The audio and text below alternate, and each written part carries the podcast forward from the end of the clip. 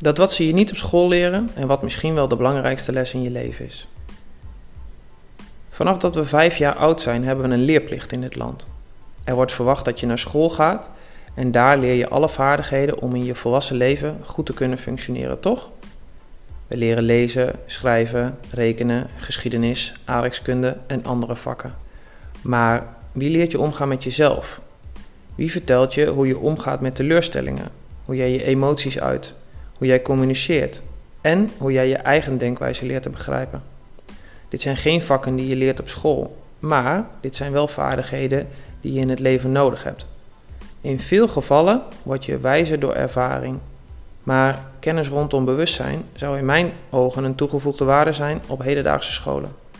Het levert je inzicht op, waardoor je in staat bent om in je leven op een andere manier in te vullen.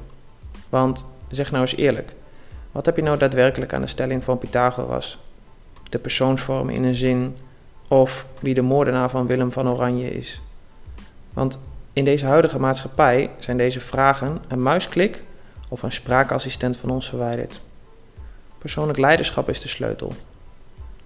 Vakken als psychologie, filosofie, bewustzijn, meditatie en gezondheid zouden naast kennisvakken als taal, rekenen en geschiedenis verplichte kost moeten zijn. Uit mijn eigen ervaring kan ik delen dat kennis rondom mijn eigen bewustzijn en inzichten in mijn eigen denkwijze me al veel hebben gebracht. Ik heb hierdoor mentale stappen kunnen maken. Inzicht in mijn onzekerheid zorgt voor meer zelfverzekerd zijn en kennis, van voeding zorgt voor een energieker leven. Bovengenoemde vakken zijn onderdeel van persoonlijk leiderschap, wat zoveel betekent als leiding geven aan jij BV, de directeur van je eigen leven, de schilder van je eigen zelfportret of de schrijver van je eigen boek. De belangrijkste les is dat jij jezelf kunt sturen in je leven. Dit is allemaal makkelijk gezegd, maar dan moet je wel weten wat je dan moet doen om een persoonlijk leider te worden. Persoonlijk leiderschap is weten wat je wil, weten wie je bent en weten waar je nu staat. Weten wat je wil en dat waarmaken vergt vaardigheden anders dan rekenen en taal. Het vraagt om verlangen, verbeeldingskracht, doorzettingsvermogen en zelfkennis. Als tijd en geld geen rol zouden spelen in je huidige leven, wat zou je dan willen doen? Wil je graag een wereldreis maken, een eigen bedrijf starten of eindelijk die ideale partner vinden? Voor al deze zaken zul je twee vaardigheden moeten ontwikkelen: snelheid en geduld. Geduld omdat persoonlijk leiderschap iets is wat je niet in een week, een maand of een jaar door hebt. En je moet er snel mee bezig zijn, wat betekent dat je er elke dag mee bezig moet zijn. En niet omdat het moet, maar omdat je jezelf er een groot plezier mee doet. Want elke dag een klein stapje wint het altijd van af en toe heel veel. Zelfkennis, bewustzijn en inzicht geven je het gevoel van controle over je eigen leven. En dat zou een prettig gevoel zijn, toch? Weten wie je bent is meer dan alleen je naam, je adres en weten welk eten je lekker vindt. Het is weten waar je goed in bent, weten waar je energie van krijgt, wat je ontwikkelpunten zijn en waar je hart sneller van gaat kloppen. Zelfbewustzijn is de belangrijkste eigenschap om je te kunnen ontwikkelen. Dit zijn je persoonlijke waarden en die zijn voor iedereen anders. Een aantal van mijn persoonlijke waarden om je een beeld te geven wat ik hiermee bedoel. Vitaliteit, eerlijkheid, vrijheid, dankbaarheid en gelukkig zijn. Persoonlijke waarden zijn je kompas. Haal ze tevoorschijn als je een keuze moet maken. Past de keuze bij je persoonlijke waarden, dan is het een slimme keuze. Past het niet, dan wil dat niet gelijk zeggen dat het een domme keuze is, maar bedenk je goed wat de gevolgen zijn als het niet bij je persoonlijke waarde past. Hier een voorbeeld vanuit mijn eigen ervaring. Ik heb gewerkt in een gesloten TBS-kliniek.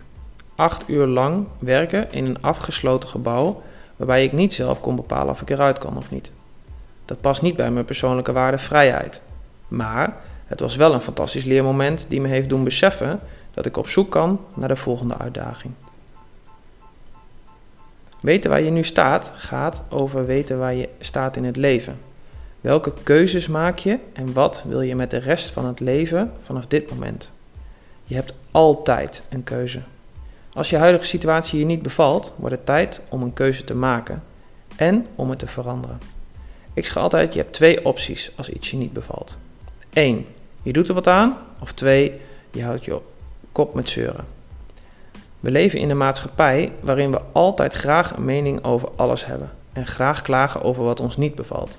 Maar daadwerkelijk actie ondernemen om onze ideeën te leven is toch ook wel spannend en eng. En dus blijven we waar we staan.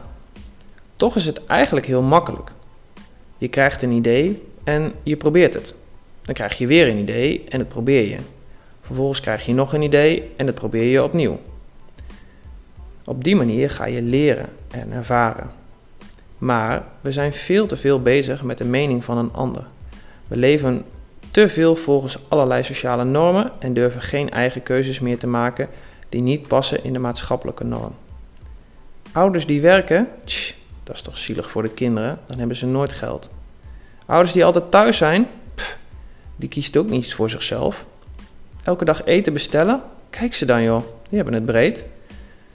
Er wordt altijd over je gekletst en geoordeeld, maar jij bepaalt jouw leven. Maak je een keuze en blijkt het niet de beste keuze te zijn? Ah, jammer dan. Volgende keer beter en een mooi leermoment. Iedereen heeft zijn eigen shit waar hij mee te dealen heeft.